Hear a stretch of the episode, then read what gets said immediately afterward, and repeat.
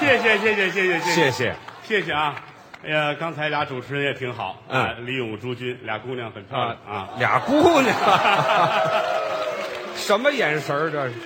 今天是个好日子，是，除夕，哎，无边春色，海燕和清。哦，一年一个燕儿，一岁一天虫。嗯为大英雄能伏虎，是真豪杰字降龙。嗯，月圆花好人寿年丰。学生郭德纲向我的衣食父母致敬，给您各位拜年了。好，好词儿来啊！来来来，呃，让于老师说两句，我也可以说，过年了说两句吉祥话。好好好，我住院等会儿，哪个医院？什么叫哪个医院呀、您你看这人不识逗吧？不这大过节的，一句话就掉脸儿了，怎么了您？跟您开玩笑呢。哦，闹着玩呢那是你这个智商余额明显不足啊，啊！ 赶紧找地儿充值去吧。好，我哪儿买卡去呀？啊哎，这个场合说话要大气。哦，那应该怎么说呀？我教给你啊，您说，哎，我希望，嗯，国泰民安，五谷丰登，嚯人均 GDP 嗯能够达到，你先，你先等一会儿，你先等一会儿。什么叫 GDP？应该是什么呀？那是 GDP，什么意思呢？国内生产总值。对呀，你说的是 GDP，对，我说的是 GDG，什么叫 GDP？郭德纲全拼。呃，啊哈，您名字的全拼呐、我希望 GDG 幸福，哦，就是您自己要幸福你很幸福了，我也得幸福啊。啊。说的也是，于老师很幸福，我还真不错。家里边日子过得很好，是工作也很顺利。嗯，他常常说：“哎呦，我现在就是神仙的日子呀啊！”真差不多。今儿跟家还唱呢。我唱什么？要做神仙，快乐无边，阖家欢乐共同过年，烫头喝酒抽烟。我把我心情都唱出来了。 熟悉于老师的都知道啊谦儿哥有三大爱好：是抽烟、喝酒。呃这么普及呢？这你个们太了解他了。 这个谦儿哥觉得这个小爱好怡情是非常幸福的。呃确实是这样。什么叫幸福啊？您说，幸，嗯，吉而免凶；哦福，富贵寿考。哦，这么解释。简单的说，就是人的欲望得到了满足，就叫幸福。哦，那您得到满足了吗？我正在通往满足的不归路上，啊啊，回不来了，您这是努力呗。啊，我是个要强的人，看得出来。其实我这些年什么都干过，我还做过买卖呢。做什么买卖呀、呃，最大的一笔生意是做煤炭。哦这不小了。嗯，河南平顶山，嗯，从那儿弄出煤来，哦，运到山西大同，好，这非赔死不可。这个到那儿我就纳闷儿啊怎么比我还便宜啊？就说是我才知道这儿也是产地，对。赶紧从大同弄出煤来，哎，运到平顶山。哎，好嘛，您就认识这么俩产地吧？ 那几年穷的都不行了，那赔呀、睡觉连被窝都没有，是啊，盖一创可贴，啊啊，这盖哪儿？这个盖什么也睡不着觉那啊，是失眠了，瞪着眼看着天花板呐。睡不着，哎呀，急得我没法儿没法儿的，想主意。睡觉就得数羊啊。哎，这是个办法一只羊，哦。睡了，好。您这就叫缺觉，知道吗？我那会儿都想去趟陕西，到那儿干嘛去？扛出俩兵马俑上外边卖了它去。嚯，您要倒兵马俑，对呀、这可不成。怎么呢？首先来说犯法啊再有一个兵马俑，人家有数，人每天晚上都点数。每天晚上还点数呢，当然了，我这太高科技了，这个 这还高科技？ 对对对，是吧半夜人家有值班的，对手电筒一照，啊，四十五号，嚯， 这四十五号就得十多个，你看见没哎有？这好，哪儿那么些四十五号？点来点去有俩不搭茬儿的就是事儿啊。那就是没了对，有道理。哎，啊！你跟你父亲闲着了吧？你要干嘛呀？是我闲着呢，是我父亲闲着呢不不许起哄，不许起哄啊！啊！ 呃，你们都是有身份证的人啊。 要是闲着的话，我给你们爷俩呼上泥，跟那儿站着吧。啊，我挣了钱，我接你们来，哎，您要挣不着钱呢，国家也不吃亏啊。是那我们俩就死那儿了，那这个是开玩笑。逗着玩儿呢。你说私人的买卖可不不好干呗？是？要跟我二大爷是行了，您二大爷你是？见过二大爷吧？我还真没见过。大背头，嚯戴个眼镜儿啊，那个在单位里了不起，哦，董事长哦兼总经理嘿兼财会总监兼保安队长，哎，怎么还兼保安队长呢？那谁提意见就打谁，嗯啊，真厉害！这得嗯啊多大的买卖呀？也没有多大，他就是一个科级干部。那不大呀。哦，别看不大啊，没事还老带着单位人出国考察呢。哦，跨国的生意他有个名字，叫说这叫解放思想，开拓眼界。有这么起名哎的？呦，大伙儿坐着大游艇出国，嚯，游艇啊，列位有派啊啊！让我们荡起双嗨桨。行，这是游艇吗？这个我也没坐过，我也不懂。啊，反正大游艇很大，是出国在国外在海上还碰见海盗了，那危险呀！加勒比海盗，嚯，真狠拿着枪，啊！站住！嚯，你游艇就停下吧。那是啊，二大爷得问干嘛呀？对呀啊，要钱哦啊，都害怕啊。我二大爷没事儿哦，啊，不要紧的，我问问，要多少钱呢？是啊，那个要要五十万。呵，哦，给你一百万，哟，给我开一个两百万的发票。哎，嚯，好家伙，这都什么主意？啊这是海盗都哭了，是啊， 还是你们挣钱狠呐！哎呀，对，他都没辙了。跟他比，咱比不了。那是，但是我是有我自己的愿望，您愿望是很希望有一天我能够成功，哦，我能挣好多的钱，有钱我就玩了命的花钱。花钱能怎么花呀？我吃啊，哦，就吃，我吃早点呐，嗯以前就没吃过早点，是啊，油饼、油条、哦烧饼、啊，麻花儿哎炸糕、哦鸡蛋灌饼、嗯，鸡蛋灌饼，我搁仨鸡蛋。解恨，有问的我就说我洗钱的，没听说过，嗯，有拿鸡蛋灌饼洗钱的吗？吃点好的，啊，红烧牛肉、哎，这行，香菇炖鸡、这不错呀，葱烧排骨，挺好你说啊我泡哪包？啊，方便面呢，那净吃老方话便说得好啊与人方便不如与人方便面。哎，没听说过哎，吃好的，来汤三角，啊，插一吸管嘬糖。嚯，嗯，多甜呢！甜怕什么呀？啊有钱买矿泉水啊！喝水，现在谁还上院儿里喝水去啊？净喝水管子我了，也尝尝矿泉水什么味儿的，尝尝吨吨吨吨，怎么兑水了，啊？废话，嗯，就是水嘛那。吃好的啊鸡鸭鱼肉、海鲜、糕点、炸酱，全搁一个锅里边儿哎呦，炖开了，飞个鸡蛋端上来，我这么一闻呐，真香啊！连锅都得扔了。哎，那是不是味儿啊？吃不算事儿，关键穿得讲究。哦，衣服，来个海龙的帽子，嚯，水獭的大衣，哎，狼皮的裤子啊狗皮的背心儿，嚯塔兔的口罩啊再来个貂皮的大围脖。啊您这什么月份儿六月三伏、嗯啊，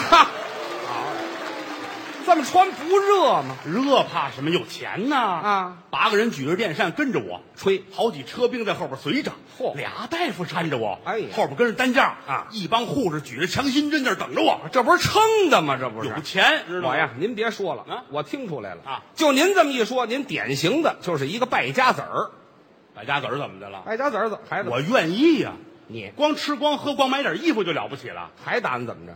我还买表呢，手表，多新鲜呐！表怎么了？谁？我不光敢买，嗯，我还敢戴呢。哇，戴个表我不光敢戴，我啊还敢露出来呢。啊，不光露出来，我还不用捂着呢。这，不光不捂着，我还乐你晃晕啊！哎对，您别净晃悠那脑袋了，大金表二十来斤，二十多斤大金表，这是金表，这是水表啊，这金个表这是啊，啊，这胳膊戴十二块，我戴一排，世界名表。嚯，哎，十二块排匀了它。啊，为了这十二块表啊我这西装这半拉半袖的。哎，好嘛，这都得单做呀，哎，不买知道表，买手机，手机买最好的手机，那也正常，来俩，俩这屋一个，那屋放一个，怎么打呀？自个儿给自个儿打。怎么打？拨通了，喂，嗯放下往那屋跑，抓起来，喂，你好，你是谁？啊再回来，我是郭德纲，嗯跑回去，我也是郭德纲。这不是废话吗？哎呀，真巧，真巧，啊啊常联系哟。哎还长什么联系呀、那个，呀，那自己给自己打那是啊买冰箱，冰箱哎，电冰箱，哦，三开门的电冰箱，好，上面冷冻，嗯，中间冷藏，底下那门掏炉灰。哎，好嘛，改火炉子了这是买洗衣机，啊，买俩，这也俩，这个洗那个呢，陪着转，嗯哎，好嘛，这还陪绑呢买电视，哦，买四十台电视，干嘛用一个频道调一个台，啊？腾出一面墙的全码好了。哎呀，坐在屋里跟坐在电器城似的，那你上电器城不好，除夕晚上全调成中央一。为什么？今天晚上有郭德纲，哎，这 嘿，啊买汽车，啊，还有汽车买汽车啊十三开门的汽车，嚯，哎，里边坐十五个司机，那您坐哪儿啊？我在后边跟着跑，哎呀，您得有个好身体，那错不了啊。是啊我还吃补品呢，还有补品。鹿茸，哎呦，整架的鹿茸，嚯，骑在鹿身上抱着鹿脑袋啃。好家伙，非吃窜血不可。哎，有有一个歌儿，有一个歌儿就夸我这个怎么唱一路这个啊我沏上小帽驴儿，我嗯看这是阿凡达。嗯啊，阿凡提呢？阿凡达是阿凡达什么都不懂。哎，吃啊，冬虫夏草嗯啊磨成了粉熬粥喝，呵，好，不就咸菜了吧？得救啊！还就咸菜，人参切成条晾干了，抓点五香面儿哎呦端起碗来，哭嚓哭嚓来两碗。好嘛，这是吃饭的动静吗？这嗯，那上火上火不要紧的啊，买药啊，还有药。来瓶益母草膏，一打就好。 嘿，好，真有主意。那当然，您呐，别啊说了，嗯我得说说你。啊有这么句老话儿嗯叫“黄金本无种，出自勤俭家”。啊，您这样过日子不成，不像个过日子的样儿我跟谁过日子？啊。我光棍一个人，我跟谁过日子？哟哎对啊，嗯，我哪能光棍儿？啊哎我得娶个媳妇儿。嘿，刚想起来这哎，个，对对对，哎对呀对对，我得娶个媳妇儿。对对对你说我娶谁媳妇儿啊，什么叫娶谁媳妇儿？啊？您得找一个。他他们让我娶你。哎，对了，您得找一没结婚的娶。对呀，啊我得找一没结婚的呀。对一问问出来了，谁呀、于老师有一妹妹，我妹妹。异父异母的亲妹妹，哦，那跟我没什么关系了呢。住在南极洲，那么远，是一个公主，嚯，阿依土鳖公主。好家伙，那么冷的地方还出土鳖，这玩意儿公主看上我了，是啊。非要嫁给我，好，这叫下嫁。下嫁，知道什么叫下嫁吗？您说，就是不让卖了。哎，嗨，两个意思是啊。公主打南极洲出来，打一黑车找我来，呃，那您等会儿吧。啊，公主还坐黑车，便宜啊！图便宜。公主到门口那会儿啊，啊，我正好跟门口这儿啊啊，我正耍剑呢啊，您这耍剑都耍到门口去了，您这个，我应该跟哪儿耍？您什么叫跟哪儿耍？您啊练剑，我正练着耍剑呢。啊还这非剑不可了。这个公主下了黑车，四目相对，我很感动。是啊，谢谢公主。哦愿天下有情人终成眷属，是前生造定事，莫错过姻缘。真能拽。公主也很感动啊。他说你个车钱还没给你呢，什么味儿啊？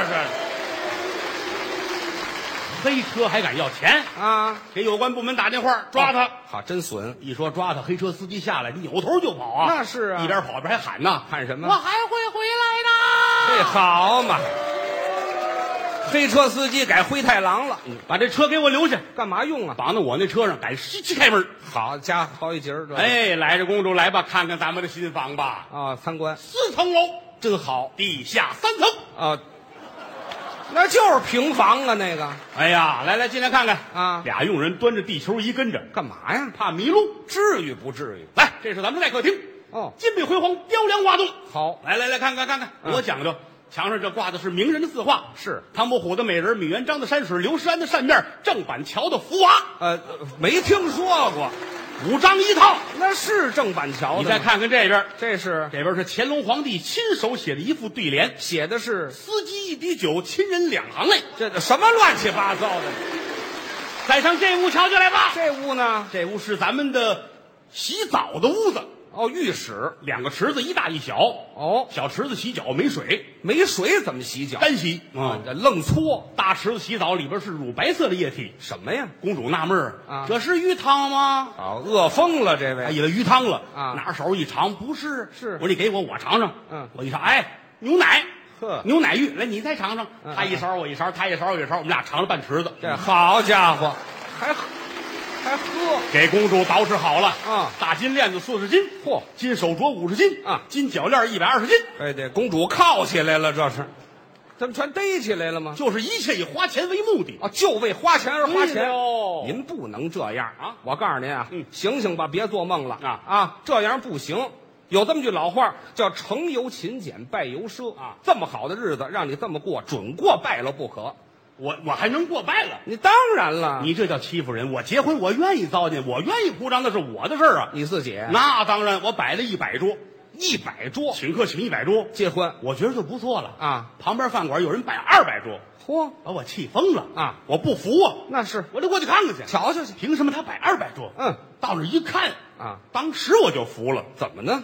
人家是公款，哦，不是自己的钱一单位年会，啊，给单位三十人摆二百桌，那公家的钱也不能这服么啊务糟。员正收拾东西呢。哎呀我一瞧啊，哟，那垃圾都是好吃的呀。都有什么吃的呀？爆肚、炒肉、溜鱼片儿、醋溜腰子、炸排骨、松花扁担、白莲啊藕、海蜇拌肚、滋味儿足，四个凉，四个热的八碟儿菜，山珍海味耶，盖世无啊！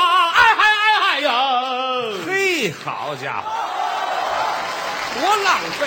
我不跟他比，不比了，把我这一百桌弄好了就得了，一百桌，浩浩荡荡一百桌，好，请多少人呢？就来一个人。啊，怎么就一个人呢？我没有朋友，是啊，我也没有亲戚，你不是有个二大爷吗？处理了，怎么处理了？打海上回来就处理了。好家伙，早不管怎么说，嗯来一个人也是我的朋友。是啊端着杯到跟前儿，嗯，兄弟，嗯他们都说我是败家子儿，对不乐意跟我玩儿。嗯你来了是瞧得起我，哦我有的是钱，你说吧，你说打算怎么着，我全答应你。嗯好，我愿意满足你的要求。行，我一说这个，他乐了。他说什你么也呢？甭说别的了，嗯，把那出租车还我吧。黑车司机。